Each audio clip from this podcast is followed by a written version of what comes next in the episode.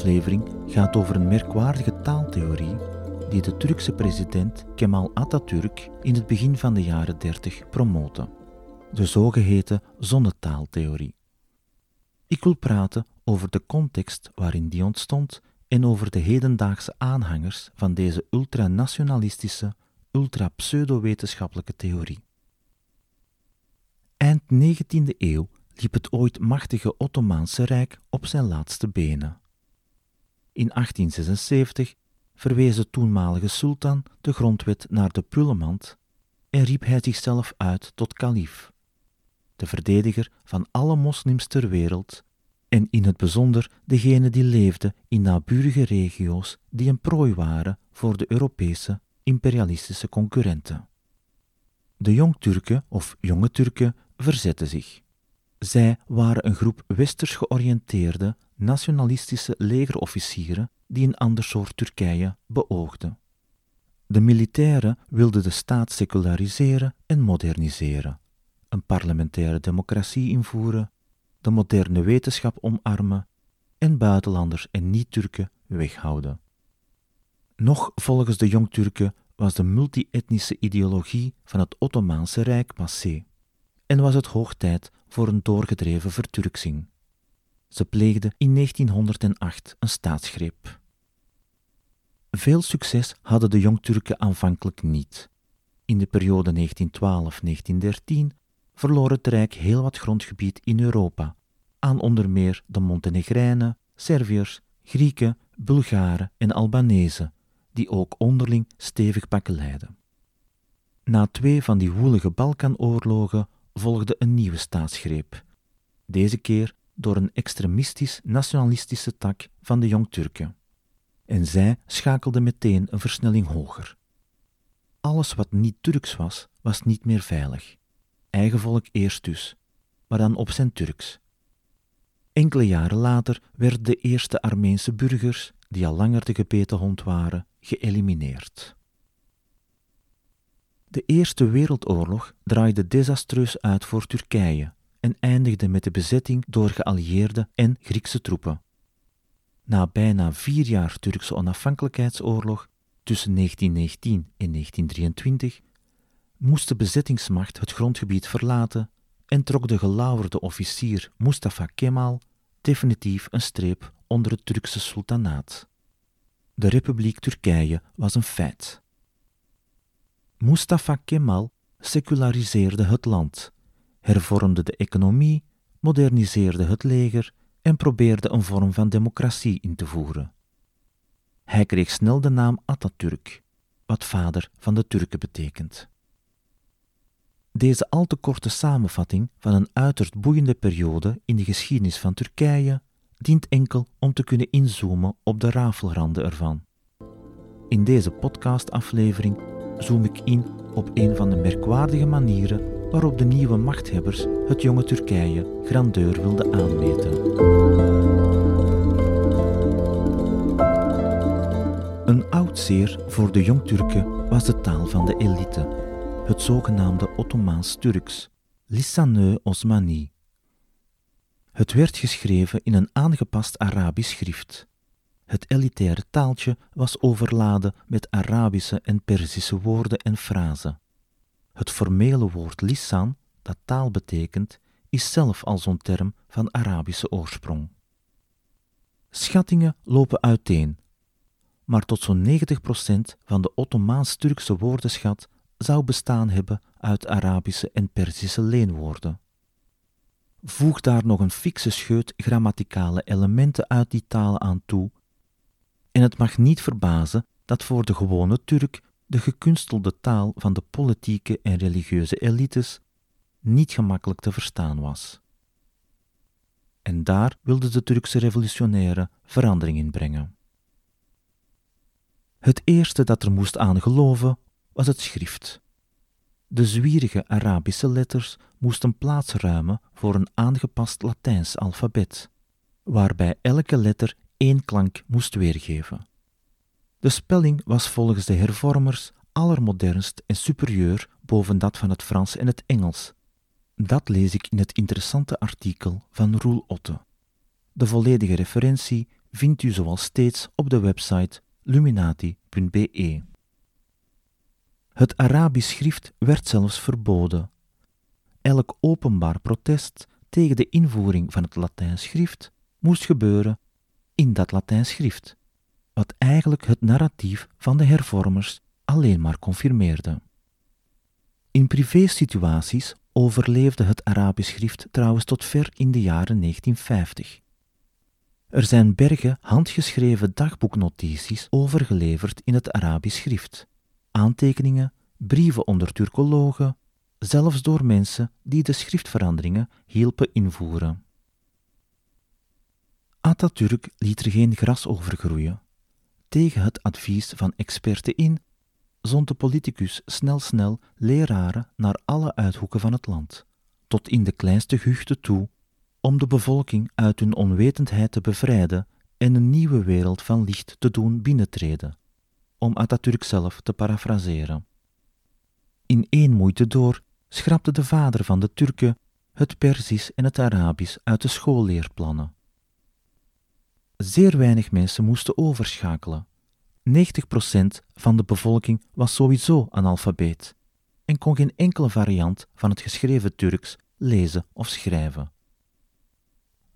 Bekijkt men het grotere plaatje en op langere termijn, denk aan 20 tot 40 jaar later, dan moet men toegeven dat de omschakeling, grotendeels ook een alfabetiseringscampagne, een succes was. Maar niet zonder de hoge culturele, academische en zware politieke kosten die de omschakeling teweegbracht. Hoe dan ook, Turks schrijft men nog altijd in een licht aangepast Latijns alfabet. De verandering van het Arabisch schrift naar het Latijns schrift bracht heel wat problemen met zich mee. Arabische en Perzische leenwoorden werden onherkenbaar in Latijns jasje en verloren hun bruikbaarheid. Dat was geen al te grote tegenslag voor de voorstanders van de seculiere lekenstaat, die de politieke islam en zijn volgers buiten het staatsapparaat wilden houden. Maar al snel ging men een stap verder. In 1932 werd het Turkse taalgenootschap opgericht, Turkdil Kurumu, het TDK. Ik ga dit niet laten uitmonden in een cursus Turks, maar dil is het gewone dagelijkse woord voor taal, in tegenstelling tot het eerder genoemde lisan.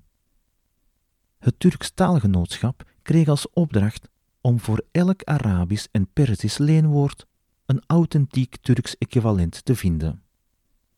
Doel was een zuivere, authentieke vorm van het Turks. De macht van het TDK was enorm. Het genootschap hield ministeries en staatsorganisaties enige tijd in hun greep en stuurde de revolutionaire en dus politiek gemotiveerde taalveranderingen. Atatürks eigen krant, de Nationale Onafhankelijkheid, publiceerde vanaf juli 1933 dagelijks een lijst met een dozijn te zuivere Arabische en Perzische woorden. Dat liet hij vergezellen met de strijdvaardige oproep: Geletterde Turken, de mobilisatie voor het grote taalonderzoek is begonnen, aan de arbeid. Men riep dus de lezers op om authentiek Turkse alternatieven voor te stellen. In eerste instantie nam men het niet zo nauw met woorden uit westerse talen. Het Turkse telefoon bleef telefoon. Het Arabische leenwoord voor elektriciteit verving men echter door elektriek. Maar het werd al snel duidelijk dat verschillende medewerkers er verschillende ideeën op nahielden. In theorie klinkt zo'n opdracht eenvoudig, de uitvoering ervan is uiterst complex. Het gebrek aan taalkundige inzichten vormde voor heel wat medewerkers niet bepaald een obstakel. De krant moest al heel snel enkele criteria extra benadrukken. En ik citeer hier uit het boek van Jeffrey Lewis, The Turkish Language Reform. A. Alle woorden die courant gebruikt worden door het volk, wat ook de origine is, moeten als Turks bestempeld worden. En B. De nieuwe woorden ter vervanging moeten authentiek Turks zijn. Een voorbeeld. Het toen normale woord kalem, en dat is van Arabische oorsprong, zou niet automatisch opzij geschoven worden. Het woord yazak werd gesuggereerd als authentiek Turks woord en men zou wel zien welk van de twee het zou overleven. Spoiler alert, het is kalem geworden, of beter, gebleven. De taalzuiveraars slaagden er uiteraard niet in om elk vreemd woord te vervangen door een authentiek Turks woord, en soms verving men het ene vreemde woord met een ander. Bij wijze van voorbeeld, het Ottomaanse woord keur moest weggezuiverd worden omdat het een Persisch leenwoord was, koer in de moderne uitspraak. In beide talen betekent het blind. In de plaats daarvan werd ama naar voren geschoven als het authentiek Turkse equivalent. Maar ama heeft dan weer een Arabische woordgeschiedenis. Sommige enthousiastelingen begonnen 150 jaar oude woordenboeken en lexicons te doorspitten om zogezegd de meest authentieke Turkse woorden op te rakelen. Men deed een beroep op Anatolische dialecten of men begon zelf authentiek Turkse woorden samen te stellen. Aan de kant van de mensen die al die suggesties moesten beoordelen, werd de zuivering niet zo ondoordacht uitgevoerd als men vaak voorstelt. De samenstellers van de nieuwe woordenlijsten accepteerden van de eerste 1300 suggesties amper de helft. En dan nog vaak heel schoorvoetend. Ze plaatsten heel wat vraagtekens bij nieuwe woorden of vondsten en waarschuwden al snel dat de hoeveelheid onverwerkt materiaal onoverzichtelijk werd. Naast de taalkundige en sociolinguïstische aspecten had men ook nog eens de bureaucratische verwerking zwaar onderschat. Dat belette enthousiastelingen niet om elk woord te gebruiken dat ze in de gepubliceerde, maar niet definitieve lijsten vonden. De taalhervormingen en zuiveringen dreigden te verzanden in een Babylonische spraakverwarring. Door deze en andere problemen bleek de eerste lijst met 7000 voorstellen een tegenvaller. Zeer veel van die woorden vonden geen ingang, waren te obscuur of leken te veel op andere bestaande woorden. Veel animo onder de algemene bevolking was er niet. Net zoals bij het Ottomaans-Turks mag het niet verbazen dat voor de gewone Turken ook het gekunstelde taaltje van de revolutionaire en hervormende elites schier onverstaanbaar was. De taalzuivering liep spaak, althans in de jaren 1930. De revolutionairen leken niet voorzien te hebben dat zo'n gigantische veranderingen generaties zouden duren voordat ze effect sorteerden. Tot zover de taart. Maar voor ik begin met de kers, wil ik het een en ander illustreren aan de hand van Nederlandstalige voorbeelden. Nee, ik ken geen enkele poging om het Nederlands op een Atatürkse schaal te zuiveren. Maar ik ken wel de bond tegen leenwoorden. En die bond ijverde tussen 1994 en enkele jaren geleden voor een op zich gelijkaardige purificatie van de Nederlandse vocabulaire. De website is nog steeds online, maar de bezielers hebben de woordenlijst al jarenlang niet meer geüpdate. Uiteraard zat achter die website geen ex-revolutionaire verlichte despoot op zoek naar een glorieus taalverleden, maar wel, verrassend genoeg, twee scholieren. BTL was een schitterend experiment dat in al zijn onschuld bijna feilloos laat zien waar het fout gaat met dit soort taalzuiveringen. Tegenover het woord fysica stelt de BTL het vanzelfsprekende woord natuurkunde. Ik wil snel opmerken dat het woord natuurkunde een van de vele succesvolle purismen is uit de koker van Simon Stevin, die gestorven is in 1620. Nog volgens de BTL moeten we website inruilen tegen webstack. Maar ja, dat woord kunnen we mijn inziens alleen gebruiken als we echt een synoniem nodig hebben, zolang we daar maar niet mee overdrijven. Gelukkig ligt de tijd van de Walkman ver achter ons, of beter van de muziekmaat. Ook woorden waarbij weinig mensen spontaan aan vreemde oorsprong denken, zouden volgens de bond gezuiverd moeten worden. Kleur wordt varu, muur wordt weeg en kamer wordt gadem. En dat zijn drie Middel-Nederlandse woorden. Er bestaan wel betekenisverschillen tussen de drie duo's. En hier ziet u al het probleem met dit soort top-down zuiveringen. Het zijn goede trouvailles, maar ze maken geen schijn van kans. Toch niet op korte termijn en niet zonder harde dwang van een revolutionaire en verlicht despotische overheid. Confituur is nog zo'n woord dat de bond wil vervangen, en wel door smeerooft. Mocht u het zich afvragen, ooft is een sterk verouderd synoniem voor fruit. Maar fruit is een woord van Franse oorsprong, hoewel het al minstens sinds het einde van de 13e eeuw in onze kontrijen gebezigd wordt in de betekenis van vrucht. Het eerder vermelde muur vinden we terug in een tekst van 901. Zeven eeuwen of meer dan duizend jaren zijn niet lang genoeg om tot authentiek Nederlands gerekend te worden. En dat is taalkundig en politiek gezien een zeer enge en zeer onfrisse gedachte.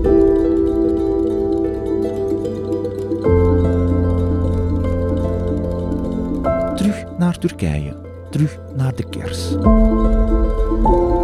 In de context van doorgedreven taalhervormingen en taalzuiveringen ontstond de zonnetaaltheorie, Güneş theorici. Voor ik verder ga met de bespreking van die zonnetaaltheorie, wil ik benadrukken dat mijn podcast gaat over eigenaardige ideeën en theorieën, die ver buiten de consensus vallen, die dus vaak heel marginaal zijn. Heel wat commentatoren geven terecht aan dat de zonnetaaltheorie vooral op buitenlandse aandacht kon en kan rekenen.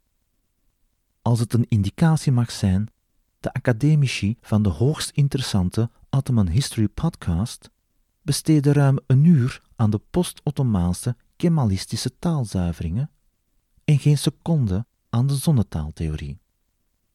Ik kan nu dus al verklappen dat die zonnetaaltheorie eigenlijk een scheet in een netje was. Die theorie stelt in al haar banaliteit dat de eerste taal ontstond toen mensen recht in de zon keken en a zeiden. En de rest is geschiedenis, of beter geschiedenis van de Turkse taal, de eerste taal.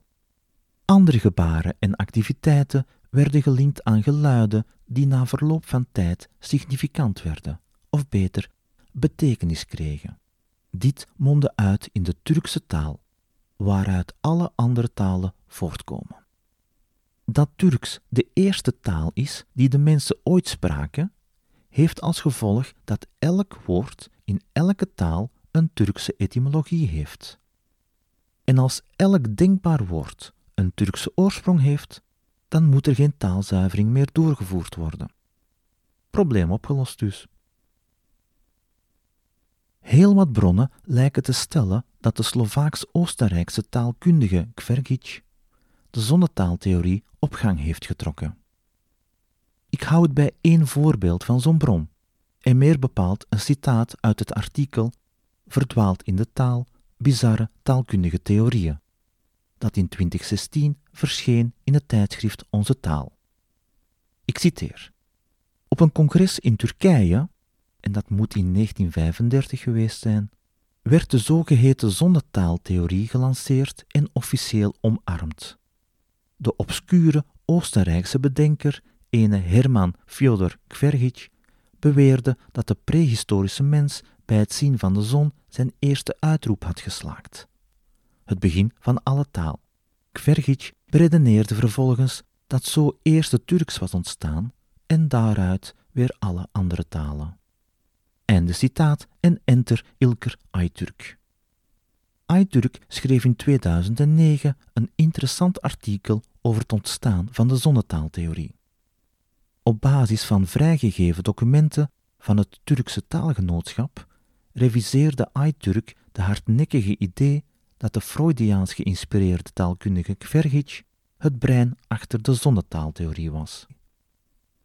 De meeste onderzoekers zijn het erover eens dat hij begin 1935 spontaan een eerste essay met als titel De psychologie van enkele elementen van de Turkse talen naar de Turkse taalcommissie en later naar Atatürk zelf verstuurde. De voorzitter van de Turkse taalcommissie vond het stierikaka. De president vond het interessant en bruikbaar.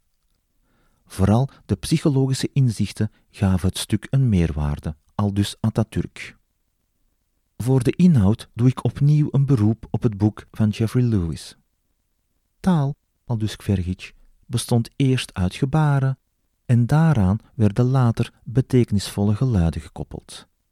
Hij vond bewijzen voor zijn theorie in de Turkse voornaamwoorden. De klank m verwijst naar zichzelf, zoals in men, de oude vorm van het persoonlijk voornaamwoord ben. En dat is het Turkse woord voor ik. En zo gaat de psychoanalytisch geïnspireerde taalkundige, een bewonderaar en kennis van Freud, de Turkse persoonlijke voornaamwoorden en evenveel klanken af. Telkens met een uitleg die taalkundig gezien geen hout snijdt. Toch was zijn conclusie: taal werd op die manier gevormd en Turks is de eerste taal. In de eerste teksten die Kvergic aan de Turken overmaakte, kwam het woord zon niet eens voor, al dus onderzoekers Jens Laut en Ilker Ayturk. Die laatste vraagt zich terecht af wanneer de zon als centraal thema verscheen en wie daar precies voor gezorgd heeft. Verder blijkt uit de nagelaten correspondentie tussen de taalkundige en de Turkse ambassade enerzijds en interne Turkse documenten anderzijds dat Kvergic betaald en gestuurd werd door Turkse attachés in de Weense ambassade. Toen bleek dat hij een bepaald artikel niet kon afwerken omdat hij in het ziekenhuis lag, betaalde de ambassade verzorging en kosten. Enkele weken na zijn ontslag uit het hospitaal, in april 1936, bezocht Kvergic de ambassade om zijn werk te tonen. Toen bleek dat de taalkundige het Turks wilde indelen in dezelfde taalfamilie als het Mongools, Manchus en Donghu. Dat zijn talen die heel wat structurele elementen met elkaar in het Turks delen. Op basis van de onderlinge vormovereenkomsten van hun typologie worden ze vaak in één taalgroep gestoken, de Altaïsche familie. In de Turkse ambassade trok men aan de noodrem.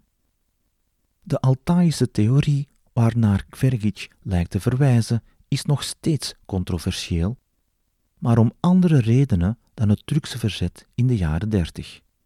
De Turkse taalcommissie wilde aan het Turks een ereplaats geven. Ze wilde er de taal van maken waaruit de Indo-Europese en Semitische taalfamilies ontstaan waren. Men wilde niet weten van een associatie met sprekers van Mongools, Manchus en Donghu, omdat zij zouden behoren tot het zogenaamde gele ras. Dat werd in Europa als minderwaardig beschouwd. Turkije nam dus niet de Altaïsche theorie van de Westerlingen over. Het racisme, dat hadden ze al, vanaf de dag dat ze ijverden voor een doorgedreven Turkificatie, verturksing van de maatschappij. En dat is een kwestie van primaire dominantie en dwaas superioriteitsgevoel. De Turkse taal en dus de Turkse cultuur en het Turkse volk waren er eerst. Alle andere talen en dus andere culturen en volkeren zijn afgeleiden van dat Turks, zijn er ondergeschikt en schatplichtig aan. In heel veel gevallen werden ze beschouwd als gedegenereerde vormen van het glorieuze Turks.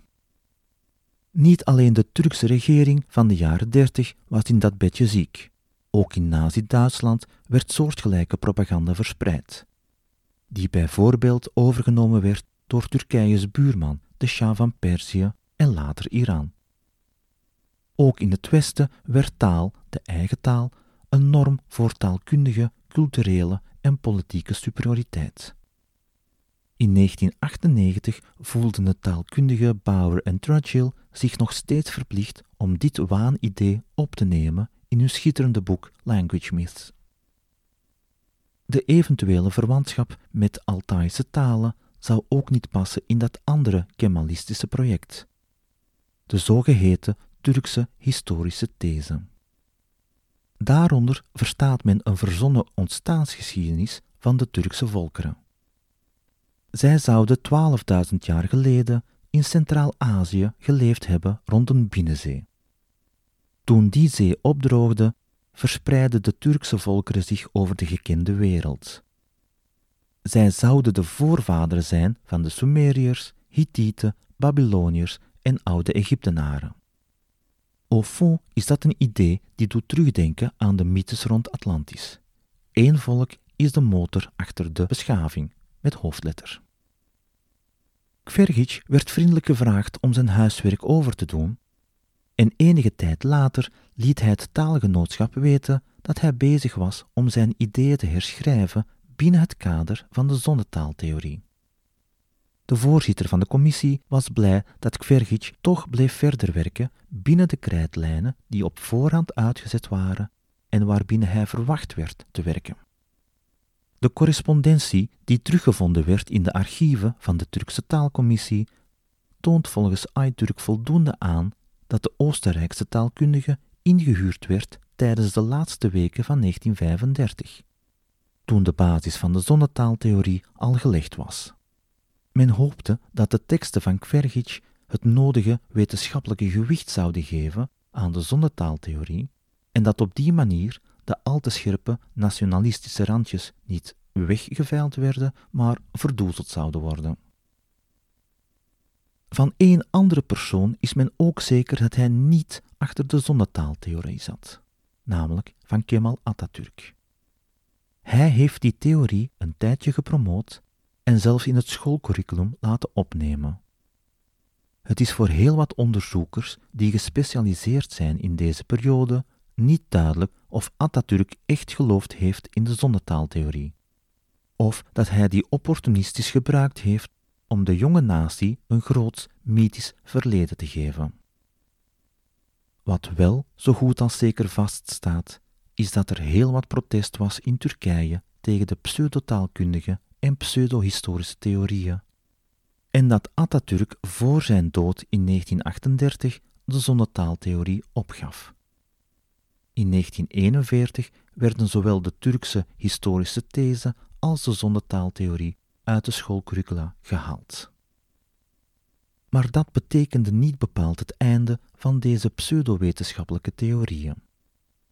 Eind jaren 1990 werden beide nog aangevoerd in de propagandastrijd tegen de Koerdische onafhankelijkheidsbeweging, die niet alleen in Turkije het predicaat terroristisch krijgt toebedeeld.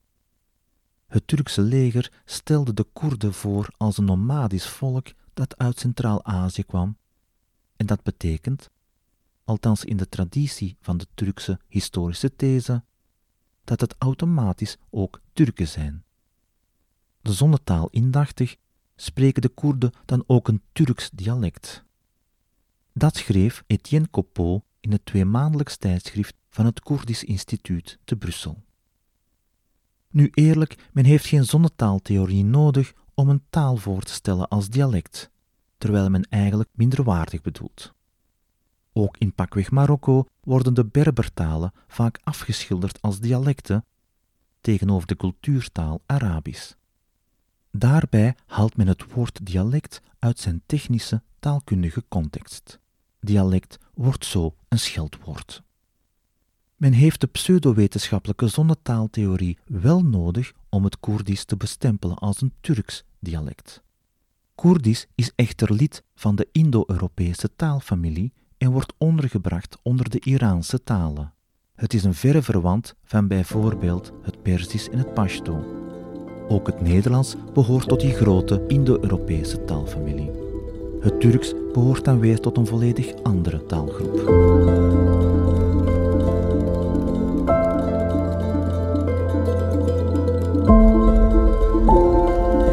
Nog steeds zijn er politiek en religieus gemotiveerde taalvorsers die van de eigen taal de locomotief maken die de hele taalgeschiedenis voortrekt.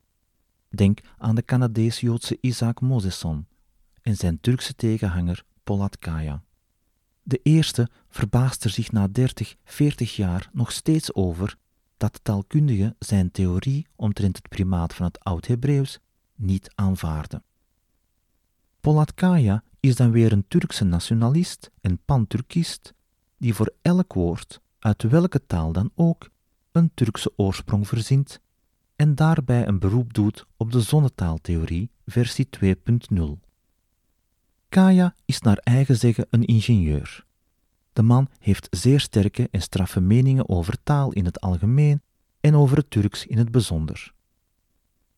Zelf heeft hij geen taalkundige opleiding genoten en aan zijn schrijfselen te zien ontbreekt het de man aan zelfs de meest elementaire taalkundige inzichten. Polatkaya doet ergens denken aan het personage van de vader in de komische film My Big Fat Greek Wedding. Dat karakter bedenkt in de film voor elk denkbaar woord ter plaatse een weliswaar Griekse oorsprong. Give me a word. Any word, and I show you how the root of that word is Greek. Okay? How about arachnophobia? Arachna, that comes from the Greek word for spider, and phobia is a phobia, is I mean fear. So fear of spider, there you go. Okay, Mr. Portacales. How about the word kimono? Aha, kimono. Kimono, kimono, kimono. of course, kimono is come from the Greek word kimona, is mean winter. So, what do you wear in the winter time to stay warm? A robe. You see, robe, kimono, there you go. Hoe komisch de vader van de Griekse filmbruid ook is, overtreffen doet hij Kaya niet. Kaya werkt al jaren aan een poging om aan te tonen dat het Turks de eerste taal is en dat elk oud en modern woord dat ooit de stembanden en de strot van eender welke mens verlaten heeft, eigenlijk Turks is. Het spreekt vanzelf dat hij daarvoor een gigantisch aantal ad hoc procedés moet verzinnen om toch nog bij zijn doel uit te komen. Polatkaya erkent dat enigszins, maar vat de verzameling methodologisch onverantwoorde verzinselen samen met de gewichtig klinkende term anagrammatisatie. Men moet geen groot taalkundige zijn om hier een rode vlag van formaat te ontwaren. Kort gezegd, eender welke letter van het te onderzoeken woord kan vervangen worden door eender welke andere letter. Zolang het maar goed uitkomt. En goed betekent hier Turks. En nee, onze brave would-be-linguist kan inderdaad nog geen letter, dat ding dat je schrijft, onderscheiden van een klank. Het oude adagium, etymologie is een wetenschap waarbij klinkers geen enkele waarde hebben en medeklinkers nog minder waarde, is van toepassing op Kaya's waanideeën. Ik geef u een voorbeeld van zijn denkstijl aan de hand van de tekst, een analyse van de Latijnse woorden genocide, suïcide, homocide en gelijkaardige andere. Om een lang pompeus en warg verhaal kort te maken, het gaat hem in het eerste stuk van die tekst over het suffix cide. Het doel van dit essay is aantonen dat Latijn en andere Indo-Europese talen kunstmatig gemaakt zijn op basis van het Turks door middel van de anagrammatisatie van Turkse woorden en uitdrukkingen. Turks was de universele taal die gesproken werd in een wijds gebied tot en met het eerste millennium voor Christus. En onze man gaat dapper verder. Tussen haakjes, ik gebruik het woord Turkisch als vertaling voor het Engelse Turkic, dat duidelijker is dan ons woord Turks. Met Turkisch verwijs ik niet alleen naar de taal van Turkije, maar naar talen die nauw verwant zijn aan het Turks. Ik citeer: Het Latijnse woord genocide bestaat uit geno en side. Geno is een anagrammatisatie van het Turkische woord chana. En dat betekent leven. Het Latijnse woord side is de geanagrammatiseerde vorm van het Turkische kidi, wat terug te vinden is in het modern Turkse kiamak, wat in stukken hakken betekent. Einde citaat. Het woord holocaust zou dan weer via de nodige Kajaanse taalhocuspocus teruggaan op een Turkse uitdrukking. Men nemen holocaust en herschikken het als holocaustu. Het zou nu iedereen moeten dagen dat het woord holocaust hetzelfde is als de Turkische uitdrukking Olo-kastu of Ulu-kestu, wat grote snee of grote doding zou betekenen. En dit, al dus een wel zeer optimistische Polatkaya, verifieert de betekenis van holocaust. Dat ik de Turkische en modern Turkse woorden niet terugvind, is geen indicatie dat Kaya daar de mist zou in zijn gegaan. Wat ik wel kan beoordelen is zijn methodologie. En die is op zijn zacht gezegd aan de magere kant. Of beter, zijn werkwijze heeft niets met taalkunde te maken. Het is eigenlijk gewoon opportunistisch ad hoc denken dat geen wetenschappelijk maar politiek doel dient. In de wereld van Kaya is ook Sumerisch Turks, geheel in de lijn met de Turkse historische thesis.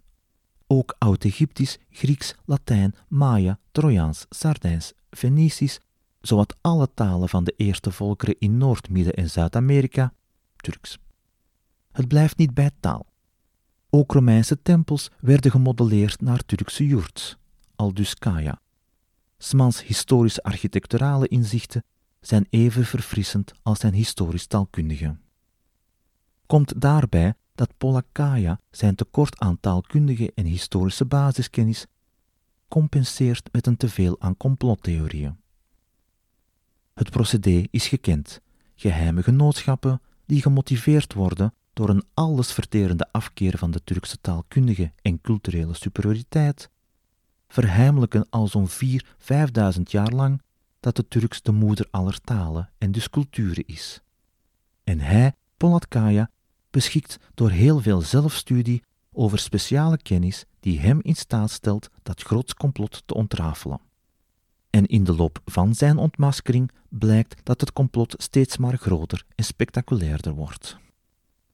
In sommige van zijn teksten verwijt hij Benedictijnse monniken taal- en geschiedenisvervalsing.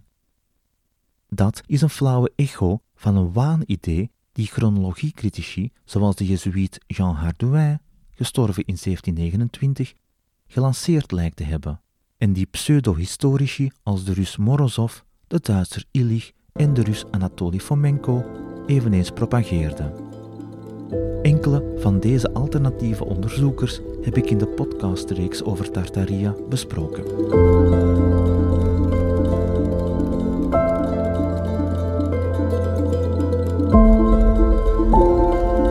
Opnieuw kan men zich afvragen welke schade zulke bizarre theorieën op zich nu kunnen aanrichten. En eerlijk, ik begin dit soort opwerpingen hoe langer hoe irritanter te vinden. Het doet me denken aan de opmerking dat geloven in een platte aarde op zich eerder grappig is, maar toch zeker geen ramp. Ten eerste, het is zelden op zich.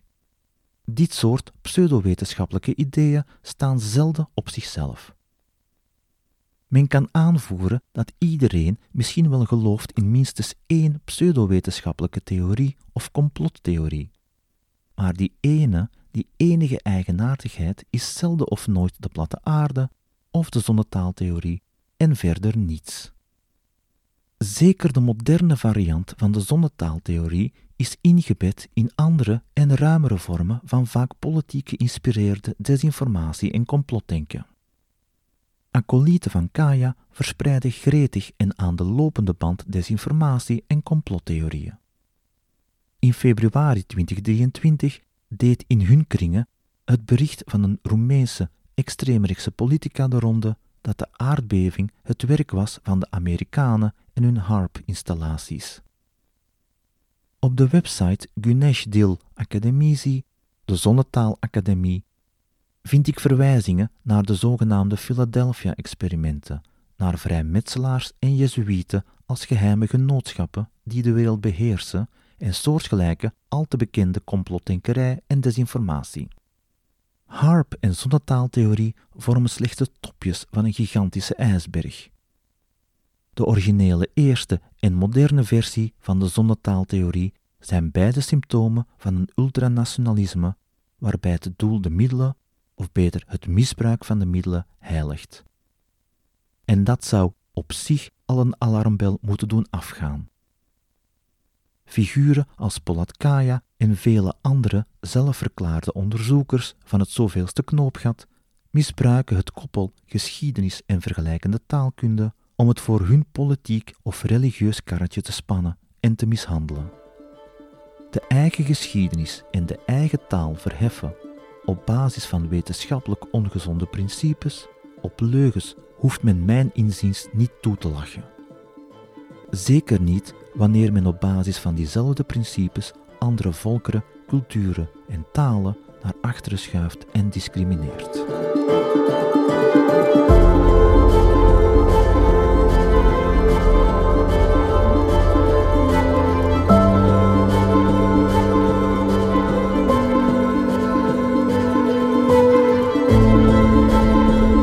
Bedankt voor het luisteren. Mijn naam is Frank. Pseudowetenschap en complottheorieën, dat zijn mijn onderwerpen. En die benader ik sceptisch en rationeel. Althans, zo beeld ik mij toch in.